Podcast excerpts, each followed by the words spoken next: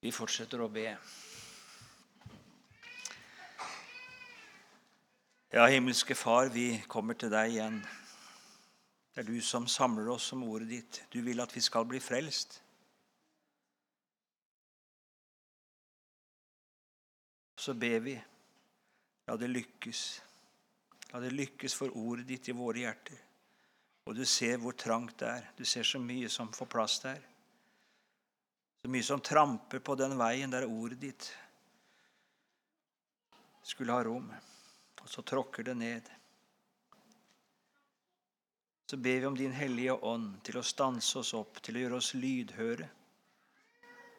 At det blir godt å tale Jesus og godt å høre. Vi ber om det. Amen. Vi skal stanse for Matteus 24, både nå i formiddag og i kveld. I kveld så blir det en, eh, slutten av kapitlet. Og vi skal stanse litt i starten nå. Jeg har fått streng beskjed om å være kort i kveld, og det skal jeg være. Da kan du tenke deg åssen det blir i formiddag. Nei da. Vi leser fra vers 3 i Jesu navn. Da han satt på Oljeberget, og disiplene var alene med ham, kom de til ham og spurte, Si oss, når skal dette skje? Og hva skal være tegnet på ditt komme og på denne tidsalders ende? Jesus svarte og sa til dem, Se til at ingen fører dere vill. For mange skal komme i mitt navn og si, Jeg er Messias, og de skal føre mange vill. Dere vil høre om kriger og rykter om krig. Se til at dere ikke lar dere skremme. For alt dette må skje, men ennå er ikke enden kommet. For folk skal reise seg mot folk og rike mot rike, og det skal bli hunger og jordskjelv både her og der. Men alt dette er begynnelsen på fødselsvedene. Da skal de overgi dere til trengsel og slå dere i hjel. Og dere skal hates av alle folkeslag for mitt navns skyld. Mange skal da falle fra og de skal angi hverandre og hate hverandre. Mange falske profeter skal stå fram, og de skal forføre mange. Og fordi lovløsheten tar overhånd, skal kjærligheten bli kald hos de fleste. Men den som holder ut til enden, han skal bli frelst. For mange er endetiden et spennende tema med mye spekulasjon om tidspunkt og rekkefølge på begivenheter. Men som Aron nevnte første kvelden her, så er det ikke det avgjørende for deg og meg å vite en gang når Jesus kommer igjen, når dommens dag inntreffer. Men det avgjørende er om du og jeg blir frelst. Det er det avgjørende. Om Jesus kommer mens vi lever, eller om vi dør før han kommer, at vi på den dagen går frelst inn i himmelen. Hva gjaldt det meg om jeg visste alt og hadde det så klart? Oversikt over alle begivenheter, men ikke var klar til å møte Jesus, for jeg hadde ikke min sak i orden med han. Jeg levde ikke i syndenes forlatelse. Jeg levde ikke i renselsen fra min synd. Og hva gjør det hvis jeg hver dag lever med Jesus i syndenes forlatelse med en god samvittighet, har fred med Han, og så kom han helt overraskende. Hva gjorde det? Jeg tenker litt i denne sammenheng på det som står i 'Våre lamper slukner'. Og når de, de får se tegn på himmelen, og så blir husker ikke hva han var, hva grosserer han var.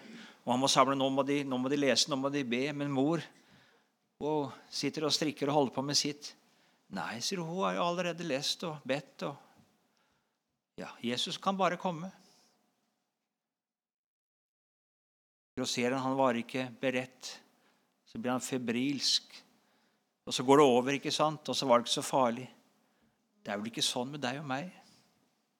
Altså, det kommer noen sånne perioder. Jeg blir litt redd. Kanskje Jesus kommer igjen. Og så blir det alvor. Nei, så går det over, også. Og så lever jeg ikke med Jesus i det daglige. Vi leser i juletekstene om Herodes. Han spurte de skriftlærde om hvor Messias skulle fødes. Det kunne de svare på. De kunne vise ut fra Skriften at han skulle fødes i Betlehem. Da skulle de vel springe dit, de som sa at de ventet på ham, de som gransket Skriftene. Nei, ikke en tomme beveger de seg mot Betlehem. De hadde nok i sin kunnskap. De var trygge på at med dem var det rett. Og så hadde de ikke bruk for han som kom. Det var dem egentlig ganske likegyldig. Det er vel ikke sånn med oss at vi tenker det at ja, vi er ikke som den åpenbare verden som farer fram. Nei, vi har den rette lære. Vi har den rette forståelse. Vi er bibeltro. Vi har de rette meningene om ting i tiden. Men så det ingenting av dette gjort deg til en synder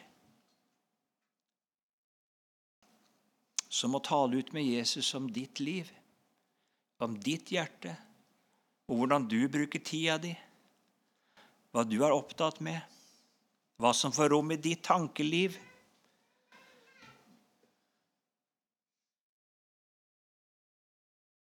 Salig er du som må til Jesus hver en dag, og som må leve fortrolig med Han, og som må tale ut med Han, og som lengter etter det at Han må komme og løse deg for det som er din daglige plage. Det er synden, og du er redd at du ikke skal nå fram. Og så tenker du om han kunne komme nå og løse deg ut og hente deg hjem. Vi leser om et par sånne i Bibelen, også i juletekstene en gammel enke, Anna, og en mann som heter Simon. Det står så fint om Simon når han får se Jesusbarnet i tempelet. Så sier han det. Herre, nå kan du la din tjener fare herfra i fred, etter ditt ord, for mine øyne har sett din frelse. Nå hadde han fått se det som hans hjerte hadde lengta etter. Nå hadde han fått se den frelseren som var lovet. Da kunne han fare når som helst.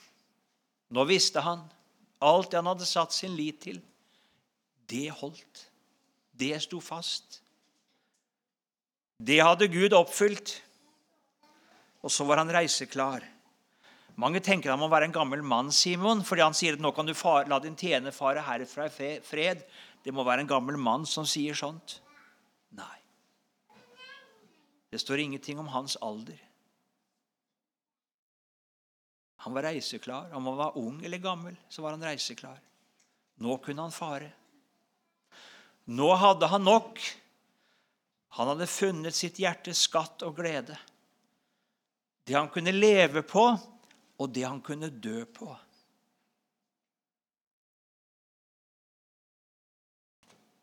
Har du det slik? Du har funnet ditt hjertes skatt og glede. Og så kan du hvile i fortrøstning at din sak hos Gud den er i orden for Jesus skyld. Du eier syndenes forlatelse. Du eier evig liv. Du har en god samvittighet. Det er ingenting der som ikke du har talt ut med Jesus om. Det er ingenting som skal åpenbares når han kommer, som ikke han allerede har vet. Jeg husker som barn hvor det var ting jeg hadde gjort som min mor ikke visste. Og da hadde det ikke gått. Gikk helst omveier. Og ville i hvert fall ikke møte blikket. Hun så så lett i øynene mine om det var noe. Du har det vel ikke sånn i møte med Gud? Hans ord. Og så er det litt vanskelig å omgås det, for det er noe der som rører din samvittighet, noe som du skulle talt ut med ham om. Da har du grunn til å frykte den dagen, for da skal alt åpenbares. Da skal bøker åpnes. Da skal alt det komme for lyset som har vært skjult i mørket. Men hvor godt det er om alt det som ingen andre kjenner til. Det har du snakket ut med Jesus om.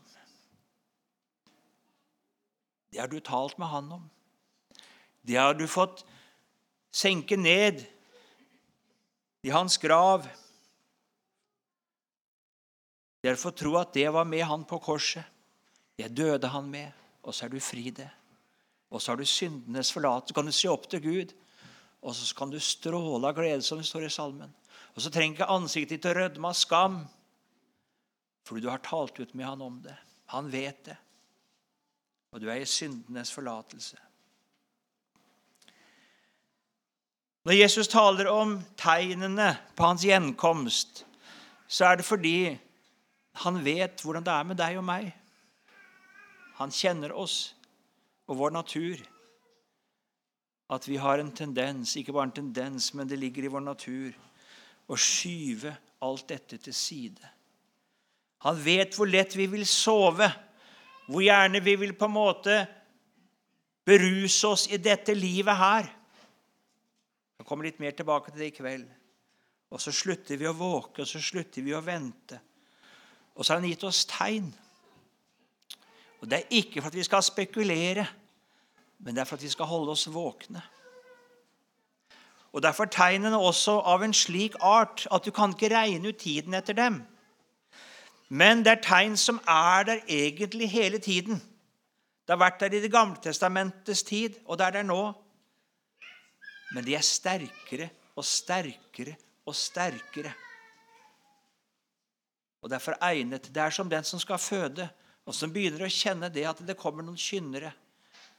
Nå skjønner at nå nærmer fødselen seg. Og så blir det sterkere. Og så blir det enda sterkere. Og tenker at nå, nå. Og sånn er disse tegnene. Og vi må si det, at de tegnene Jesus nevner her, de er sterkere enn noen gang. Og likevel så tror jeg vi må si det, at vi som sitter her, vi er mer søvndysset og mer sløv enn noen kristenflokk i historien foran oss. Det burde vært motsatt, men det er ikke det. Det er lite av forventning. Det er lite av årvåkenhet. Det er lite av Guds frykt og hellig alvor iblant oss. Jeg snakker ikke om dere bare. Jeg snakker om han som står her. Det skulle vært så annerledes. Skulle det. Det er som i Noas dager, sier Jesus. Livet går sin vante gang. Menneskene er opptatt med hverdagslige ting. Mat og klær, hus og hjem, sport og fornøyelser. Det tar tiden, det tar sinnet, det tar tankene, det tar praten. Vi hørte det åpning første kvelden. Det hjertet er fullt av, det flyter munnen over med. Og så blir det ofte tomt skrammel. Kvi taler du ikke om Jesus? Du taler om vær, du taler om vind, du taler om roser på ungdommens kinn. Kvi taler du ikke om Jesus? De tok det ekte og ga til ekte, sier Jesus. Er det noe galt å gifte seg? Jeg tror ikke det bare sikter til det at man giftet seg. Hvis jeg leser om Noah, jeg undret meg over det. Han var 500 år gammel, ser det ut til. Da, fikk, da får han sitt første sønn. 500 år gammel. Så ikke noe om at kona var ufruktbar. Men jeg tror han slet med å finne seg en ektefelle. En troende ektefelle. En som hadde Guds frykt. En som kunne han ha åndssamfunn med. For det de fleste gjorde, de tok det ekte og ga det ekte. De så på noe annet. Skjønnhet, ynde. Og så ser vi hvordan det går der. Guds barn der, Guds sønner, står det. De gikk inn til menneskenes døtre. De dro i fremmed åk med vantro, og så forfaller hele den gudfryktige slekten. Og det skjer i hjemmene. Det skjedde i hjemmene. For mann og kone dro ikke sammen. Og det er så uendelig viktig. Det er mange unge her. Tenk på det. I Noas dager tok det ekte og ga det ekte. Og man giftet seg tankeløst, uten tanke på det viktige, viktigste. Jeg trenger en ektefelle som kan være med og bevare meg på himmelveien. For vi lever i en farlig tid. En tid som kommer til å bære med seg omkostninger. Og de omkostningene de må vi stå sammen om. Det er ikke lett å stå fast når den andre i hjemmet ikke forstår en og taler imot en, når alle andre taler imot òg. Å, det er så lett å vike unna. Og når barna som vokser opp i et sånt hjem, begynner å dra ut, og så følger foreldrene så lett med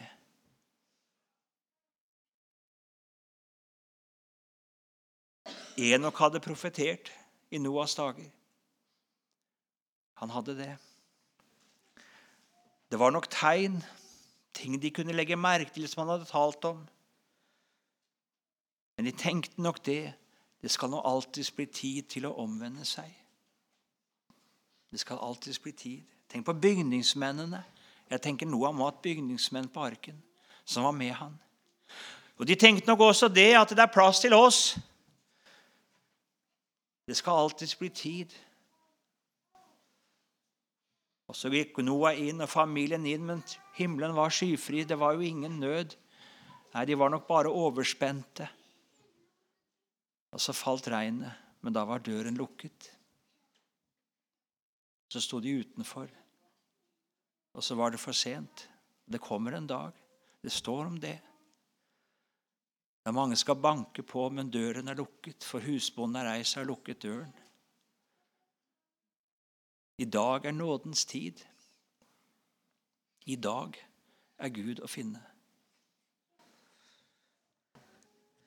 Må ikke gå sånn med oss. Må du ikke forspille din nådetid. Vi skal se på disse tegnene. Det første tegnet Jesus nevner her i Matteus 24, det er innenfor kristenheten. Det kommer noen i Jesu navn. Det står flere ganger i Matteus 24 om forfølgelse. Falske profeter, falske Messiaser. Det er ikke bare noen som står fram og sier at 'jeg er Messias'. Det er ikke bare det det tenkes på. Men det tenkes på altså en forkynnelse om en frelse som tar Jesu plass. Det er ikke gitt noe annet navn under himmelen som du kan bli frelst ved enn Jesu navn. Men det er så mye forkynnelse i dag om Guds godhet og kjærlighet. Han tar imot oss uten Jesus uten soning for synd, utenfor Jesus stedfortredende lidelse og død.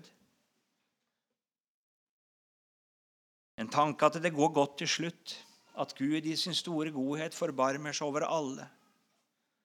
Og Ser du på kristenheten i dag og hører du forkynnelse i dag, er det skremmende lite tale om synd, om frelse fra synd, om frelse fra Guds dom om soning for synd. Forsoningsbudskapet. Det er sjeldent.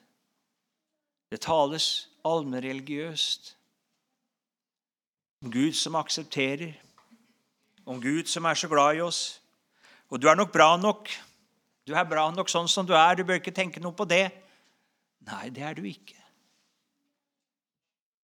Det er det som er det store problem. at du kommer ikke inn i himmelen sånn som du er.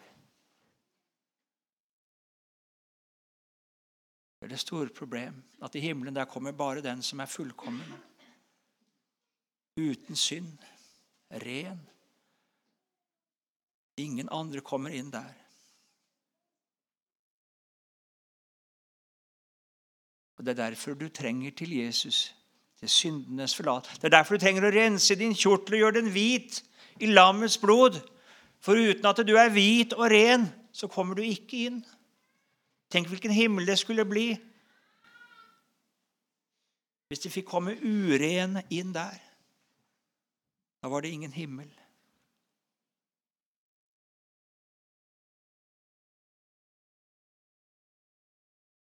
De som har kommet inn, de som står for Guds trone, de har tvettet sine kjortler, står det, og gjort dem hvite i lammets blod. Derfor derfor. Det gitt bruden å kle seg i skinnende hvitt lin. Da er det faktisk tale om også at den bruden ønsker Hun som har fått del i brudgommens renhet, hun ønsker å leve rent. Og hennes renhet er de helliges rettferdige gjerninger, står det. Det er en virkning av det hører Jesus til. Skal ikke komme inn mer inn på det. Åssen er det med deg? Hva hører du i forkynnelsen? Hva hører du?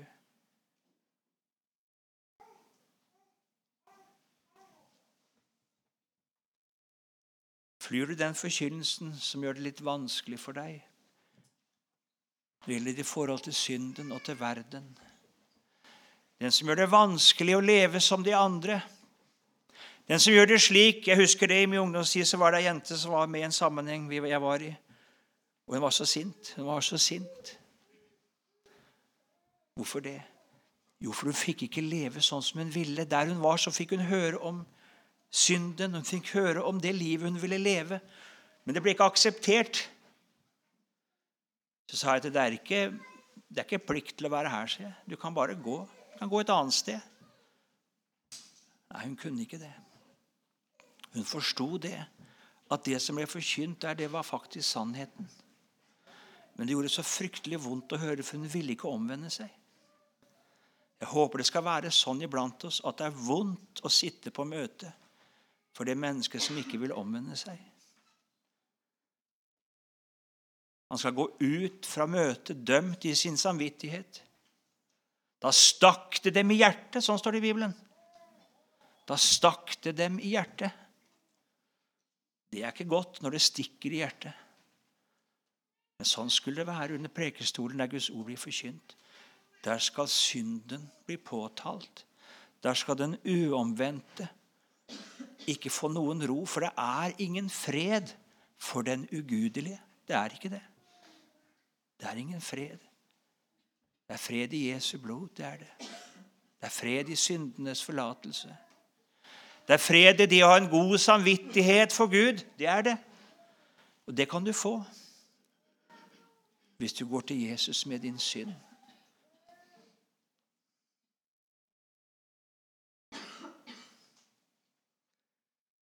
Du må ikke la noen forføre deg vill og tro at det går en vei til himmelen som ikke går om korset. Om korset der ditt liv finner sin død. Der du ikke kan leve videre, men der du må miste ditt liv. For det vil aldri bli akseptert, det vil aldri bli godtatt. Men det fins et sted hvor du kan bli fri det. Tenk det. Og du som fortviler over deg sjøl og tenker det går ikke for meg å komme til himmelen sånn som jeg er. Det finnes et sted hvor du kan bli fri alt det som plager deg. Alt det du lider under. Det er Jesu kors. Der skal du få komme med det. Der skal du få legge det av og bli løst ifra det.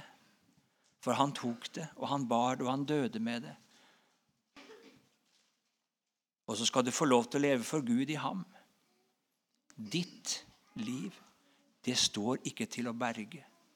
Det står ikke til å få aksept for. Det gjør ikke det. Men du kan få et annet liv. Du kan bytte ditt, og så kan du få Jesus sitt, og så kan du få rose deg av Hans hellige navn. Den forkynnelsen, den vil du ikke høre mange steder. Du vil få høre en annen frelse en annen frelsesvei. Falske profeter sier at det går bra. Alt vil bli bra. Og du skal nok at det går godt, for Gud er så god. Det er ingen dom. Og det er ikke synd, det der. Nei, det er ikke synd. Det er klart det. Gud godtar det, og han velsigner det. Du kan da skjønne det. Og du må la ikke føre vill. Selv om det klør i øret. Så var det et annet tegn som skulle prege folkelivet. Det vil høre om krig og rykter om krig. Det er krigslarm, både nært og fjernt. Både det vi kaller kald krig, altså rykter om krig, og trussel om krig. Og det vi kaller varm krig, virkelig krig. Både innenfor nasjoner og mellom nasjoner. Folk skal reise seg mot folk, og det skal være innbyrdes krig. Er interessant å lese historie.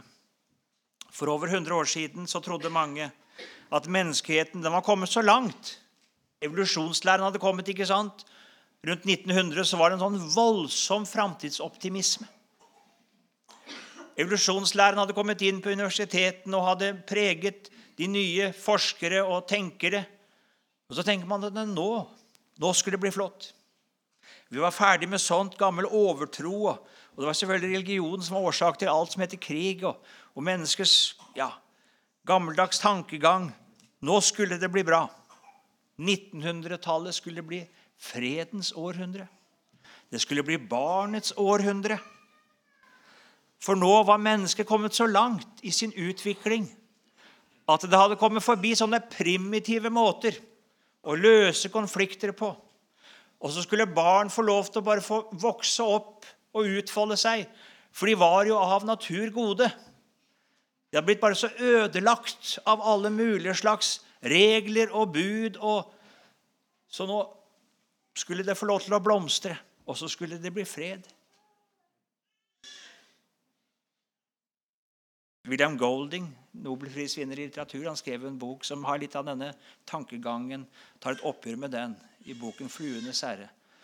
Denne tankegangen om barnet som bare får utfolde seg fritt, så blir det så godt. Det gjør det nok ikke. Dere som har barn her, dere har vel sett litt, kanskje, at det nok ikke har forandret seg. Men det var fredskonferanser og fredsallianser. 1900-tallet det har vært det mest blodige århundret i historien. Med titalls millioner drepte på slagmarken, under tortur, i konsentrasjonsleirer. Og tar du abortene med, en nedslakting av barn i mors liv, det store mord, kalte våre forfedre det. I Bibelen står det de tar enda livet av barn i mors liv. som står det om noen hedningefolk som gikk til krig. De tar enda til det. Går det an å være så grusom? Nei, det syns ikke vi er grusomt. Vi tar livet av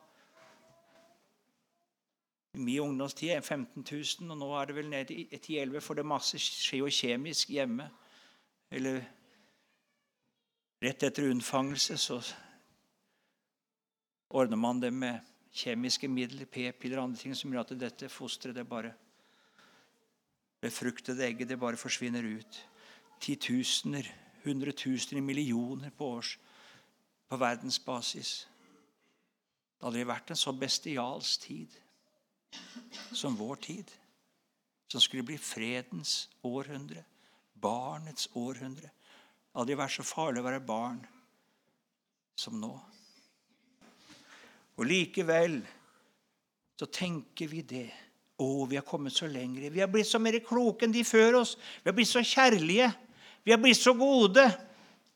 Så nå kan du jo få velge hva du vil være. Og, og det er jo flott. Er ikke det kjærlighet? Vi feirer kjærligheten, sier man. Det gjør man ikke. Man feirer lysten. Man feirer begjæret. Man feirer selvlivet og selvutfoldelsen og egoismen. Det er det man feirer. Man feirer ikke ansvar. Man feirer ikke det å ta hensyn. Man feirer ikke det å bry seg. Man feirer selvlivet og selvutfoldelsen. Mange tenker det at vi går mot en mer rettferdig, mer kjærlig, mer god verden. Vi gjør ikke det. Vi går mot en mer umoralsk, mer bestialsk, mer egoistisk. Kjærligheten skal bli kald hos de fleste, sa Jesus i det vi leste. Det er sannheten. Egoisme og lyst er ikke kjærlighet. Det er det ikke. Vi er i ferd med å bli som dyr. Vi er det. Et brunstig dyr. Er det kjærlig? Nei. Det er så selvopptatt. Du kan se hvordan det er i brunsten i dyrelivet. skal du se hvordan det er. Der er det ikke mye kjærlighet, men det er drift og begjær som tråkker ned andre. Bare jeg får tilfredsstilt meg. Det er mennesket. Og så fornekter vi vår adel, vi som var skapt i Guds bilde, til å bære Hans preg. Han som ga seg selv for oss. Han som gjorde alt skjønt i sin tid. Rent og hellig og sant og godt. Og så har vi ved tro at vi har blitt vise, så har vi blitt dårer, sier Bibelen. Og så ødelegger vi og tråkker vi mennesket ned i søla med måten å leve på. Og du og jeg, vi er en del av det. Hva ser du på? Hva fyller du med? Mennesker og, med filmer med skrik og rop og skrål og fjas og umoral.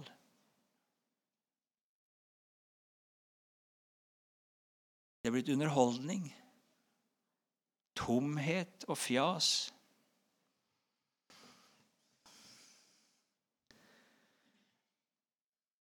Det tredje tegnet det gjelder naturlivet. Det skal bli hunger og jordskjelv både her og der. Ikke bare noen steder, altså. Nå var det vulkanutbrudd på Island, og så var det Indonesia. Og så er det jordskjelv og tsunamier. Og så er det miljøkatastrofer og flom her, og så er det brann der og tørke der. Det er et omfang og en hyppighet som gjør at verdens politikere og statsmenn kommer sammen og tenker at nå må vi gjøre noe. Skal vi berge denne verden fra å gå under?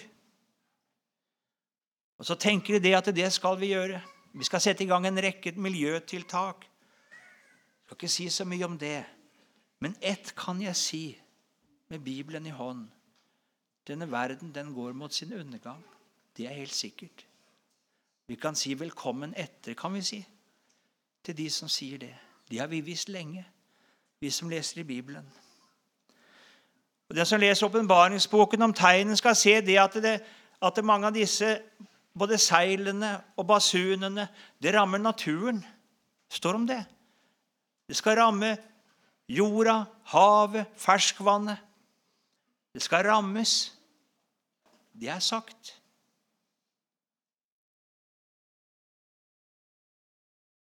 Men det går ikke under pga. vår forvaltning, ressursbruk, at vi bruker fossilt drivstoff. Nei, den går under pga. menneskenes synd og ugudelighet, akkurat som i Noas dager. Det er derfor den går under. Den eneste grunnen til at jorda står i dag, vet du hva det er? Det er at Gud holder den oppe. Det er den eneste grunnen til at den står. Fordi Gud vil at så mange som mulig skal bli frelst. Og disse tegnene som varsler om at denne verden den går mot sin undergang, den skulle vekke deg opp til å få mennesker i arken. Til å få mennesker til å løpe til Han som frelser, ikke fra verdens undergang, men fra den dom som kommer. For verdens undergang, det er ingenting mot den dommen som kommer. Det skal menneskene ane en dag. Vet du hva de skal si? De som har blitt tilfluktsrom for å skjule seg under krig og katastrofer, de skal fly inn i bergene og i fjellene og skal de rope 'Fall over oss'. Hvorfor det?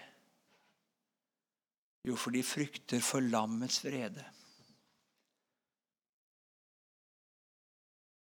Og fra Han som sitter på tronen.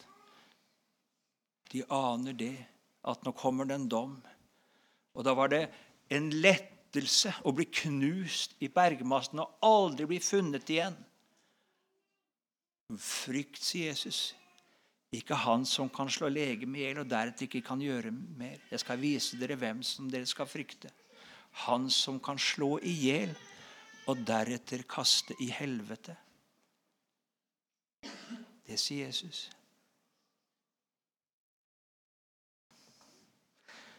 Disse tegn vi har talt om nå, de har vært her, som sagt, til alle tider. Falske profeter leser vi i Det gamle testamentet. Krig, hungersnød, jordskjelv. De har vært siden syndefallet. Men de tiltar i styrke. Og Det er en grunn til at disse tegnene har denne dobbeltheten ved seg.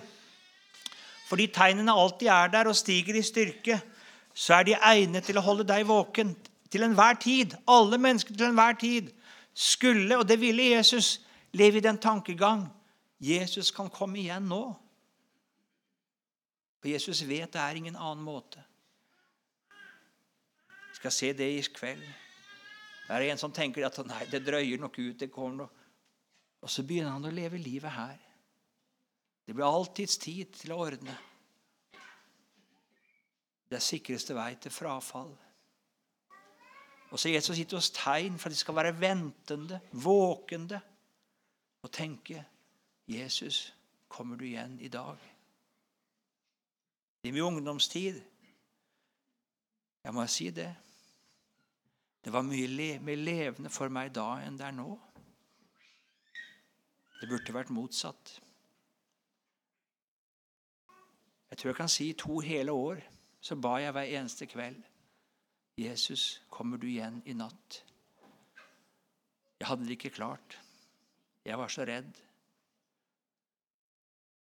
Og jeg ba om at Jesus måtte forandre, gjøre en forandring med meg, slik at jeg kunne være rede når han kom. Men det hadde ikke gått i orden den dagen heller. Derfor så ba jeg Jesus kommer du igjen i natt, så må du la meg bli frelst pga. det som du har gjort. Det trodde jeg ikke gikk for en sånn som meg. Jeg tror jeg var frelst med en lengtende tro på Jesus. Men jeg hadde ingen visshet om å være frelst. det hadde jeg ikke. Men jeg skjønte at mitt det holdt ikke. Og skulle Jesus komme igjen, så kom jeg ikke inn med mitt. Med min kristendom. Nei, det kom jeg ikke inn med. Jeg hadde hørt evangeliet. Men jeg trodde det at jeg kunne ikke komme til Jesus sånn som jeg var. Men det var det jeg klynga meg til. Kommer du igjen, Jesus? Så må jeg bli frelst pga. det som du har gjort.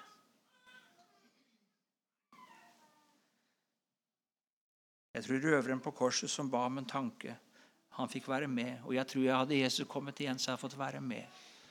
For det var mitt eneste håp. Så fikk jeg se det, at jeg skulle få komme til Jesus sånn som jeg var. Herren er nær for døren. Det skjønner vi. Han kommer snart. Men, og det er faren, fordi tegnene er der. De kommer igjen og igjen. Så venner vi oss til det. Og så er det slik at den som ikke vil la seg vekke, den som vil sove, han får alle muligheter til å sove videre. Og dysse seg ned med det at det er nok ingen fare. Den dobbeltheten har tegnet. Den dobbeltheten har Guds ord. Den som meg vil lyset kjenne, han skal seg på lyset brenne. Det kommer enda noe mer, sier Jesus. Det kommer noe mer. Da skal de overgi dere til trengsel og slå dere i hjel. Og dere skal hates av alle folkeslag for mitt navns skyld. Mange skal da falle fra, og de skal angi hverandre og hate hverandre. Jeg tror ikke dette er framtid. Jeg tror dette er nåtid. Det vi har talt om nå, det har vært der. Men så kommer dette, sier Jesus. Og da er vi enda lenger inn. Hates av alle folkeslag for mitt navns skyld. Det har alltid vært forfølgelse. Litt her og litt der. Men det har vært begrenset i omfang og varighet. Men her er det tale om en verdensomspennende forfølgelse. Hates av alle folkeslag. Vi vet det er et folk som har opplevd det, og som opplever det. Det er jødene. Hvorfor opplever de det? Og et Dypest sett så tror jeg det, det er det folk som Gud valgte ut for å være sin tjener. For å gi menneskene sitt ord. Og det er dette ordet, det som det står for, og det som derfor dette folket representerer, som folk i verden ikke kan godta. De vil fri seg fra Gud, dypest sett. De vil fri seg fra Hans ord, dypest sett, ved å beseire dette folket. Du ser Det gamle testamentet, så tenker noen det i sitat mot jødene. En som kommer kongen sier at tror du virkelig at din Gud kan frelse dere? Se hva jeg har gjort mot det folket og det folket. Tror du de gudene kunne frelse dem? Disse folkenes guder? Dere skjønner vel det at å stole på den guden deres, det hjelper ikke. Denne kongen han visste ikke hva han hadde gitt seg i kast med. Han ga seg i kast med den levende og sanne og virkelige Gud. Men så er det noe her som verden dypest sett aner. Den skal kvitte seg med Gud, med Hans ord, ved å kvitte seg med dette folk. Men det vil også være sånn med de, det kristenfolk som holder fast på Guds ord. Og lyst til å merke deg det nå. Som holder fast på Guds ord. Hva sier Jesus? Han sier ikke at 'jeg kommer med en sannhet'. Nei. Han sier 'jeg er sannheten'. Han sier ikke at 'jeg kommer med en frelse'. Nei. Med en vei til frelse. En vei til liv. Nei, han er sannheten. Han er veien. Han er livet. Ingen kommer til Faderen uten gjennom meg. Det er det som gjør Guds ord så uspiselig. De sier at det er sannheten. Nei, det Ja, ja. Du har din sannhet, ikke sant? så jeg min. Sånn er det blitt i dag. Så kan du gjerne tro det at Gud har skapt verden. Bare jeg får lov til å tro at den har blitt til på sånn og sånn. Og så kan vi ja. Og sånn er det mange forholder seg. Og som i kristenhetens navn vi taler slik. Ja, det er sant, og det er sant, og det er Nei, vi kan ikke det. Det er bare et navn gitt under himmelen. Det er bare et ord som har krav på å kalles sannheten. Og det andre er løgnen. Det er forførelsen. Og sånn må vi tale. Men så er det mange som vil nettopp for å unngå den motvilje, som unngå den forfølgelse, så søker man å være litt fleksibel. Ja Særlig innenfor det som kalles apologetikk i dag, så er det denne holdningen. Vi skal på en måte, vi skal akseptere det som kalles sannhet i vitenskapen. Det som kalles sannhet, det som råder og gjelder. på en måte, Vi, vi, vi godtar det. Men vi skal bare få det til å passe med Bibelen. Det går ikke. Det er komplett umulig. Det forsøket der, det går ikke kan se først Korinterbrev. Det var det de ville at Paulus skulle gjøre i Korint. Der man var opptatt av vitenskap og filosofi. Og man kunne legge det litt annerledes an der sånn i Korint. Nei, sier Paulus, det kan han ikke. Gud har gjort denne verdens visdom til dårskap og vismenn. Gud er ikke interessert i det. Han vil forkynne Kristus korsfestet. For jøder et anstøt og for grekere en dårskap for at Kristi kors ikke skal tape sin kraft. Den som vil være en kristen i denne tid, han må bli en dåre. Lyst til å si det. Da bevarer du også kraft som en kristen. Du styrker ikke kristendommen ved å gjøre den sannsynlig, aksepterbar, vitenskapelig på en måte interessant. Nei, det gjør du ikke. Du svekker den. Du tar bort brodden i den. Men forkynn den med enfoldighet, i troskap mot Guds ord, og bli regnet for å være en dåre. Bli regnet for å være kanskje farlig til og med, for du holder fast på disse som står her, som er så uspiselig for vår tid. Men det er en brodd i det. Du skal være klar over at de menneskene som står mot denne brodden, De vet mer enn de selv er klar over hva de gjør. Og du pirker i åpne sår når du holder fram Guds ord med sannhet. Da er det en kraft i ditt vitnesbyrd som er sterkere enn alle kloke ord. Det er det. Men det kommer til å koste. Det skal jeg love deg. Hates av alle folkeslag. Det står om Skjøgen jeg skal gi meg nå, det står om Skjøgen i åpenbaringsboken. Hun tenkte jo det. Det er jo den frafalne bruden, det, som er Skjøgen. Det er den frafalne kristenheten. Hun har gitt mennesker å drikke og beruse seg av en forkynnelse ikke sant? som er det som mennesker vil ha. Og hun tenkte det, at sånn skulle hun bli lovprist. Hun sitter der, ikke sant, rik og mektig. Men det står at dyret hater henne. Den verden hun skulle vinne, den hater henne, for den vet at det er bare falskhet. Det vet verden veldig godt. Den har null respekt for det. Og så skal de kaste seg over henne og drepe henne. Hun vant ingenting på det. Mange, står det, skal falle fra. Jeg vil si til deg som er ung, og til oss alle Vær innstilt på det at det kommer til å koste noe å nå målet. Vil du til himmelen? Det kommer til å ha betydning for din valg av ektefelle. Det må det. Det var det innom.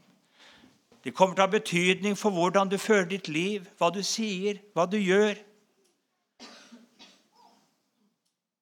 Hvis du vil til himmelen. Du reker ikke dit. Du gjør ikke det. Våg, sier Jesus. Vær beredt, sier han.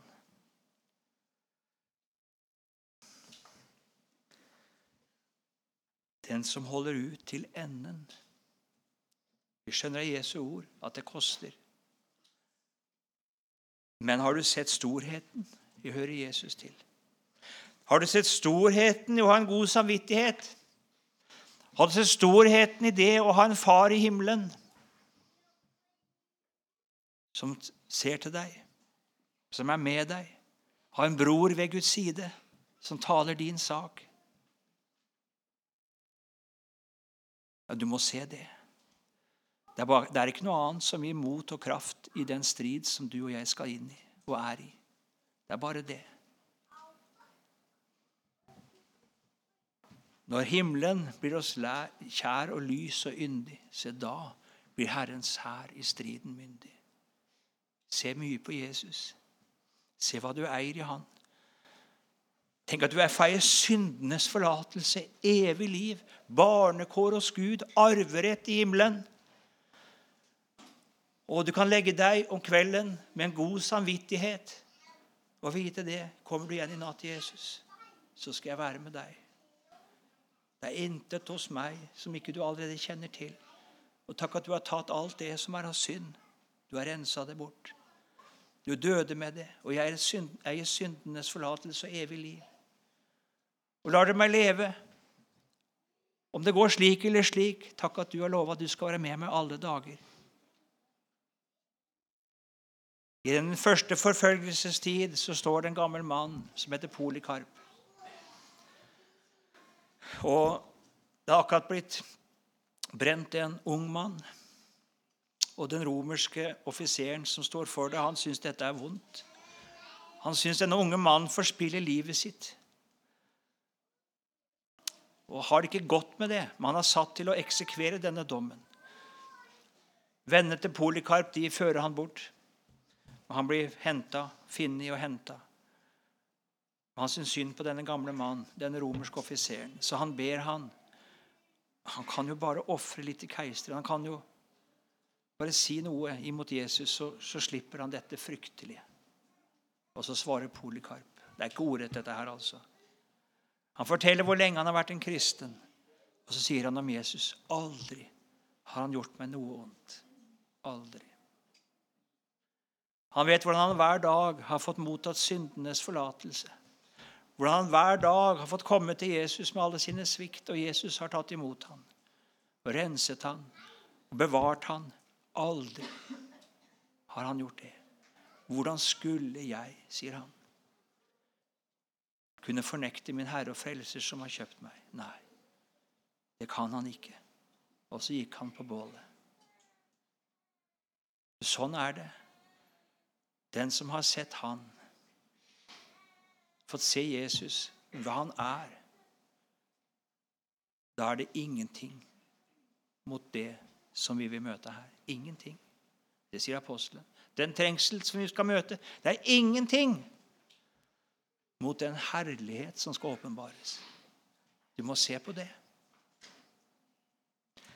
Ja, kjære Jesus, takk at vi skal få lov til å være dine. Takk at det enda er nådetid. Enda tid til å finne sin plass i arken. Enda tid til å få syndenes forlatelse og evig liv. Enda er det rom, Jesus, i dine sår. Og bevar oss der i denne vonde og vanskelige tid. Vi ber om det. Amen.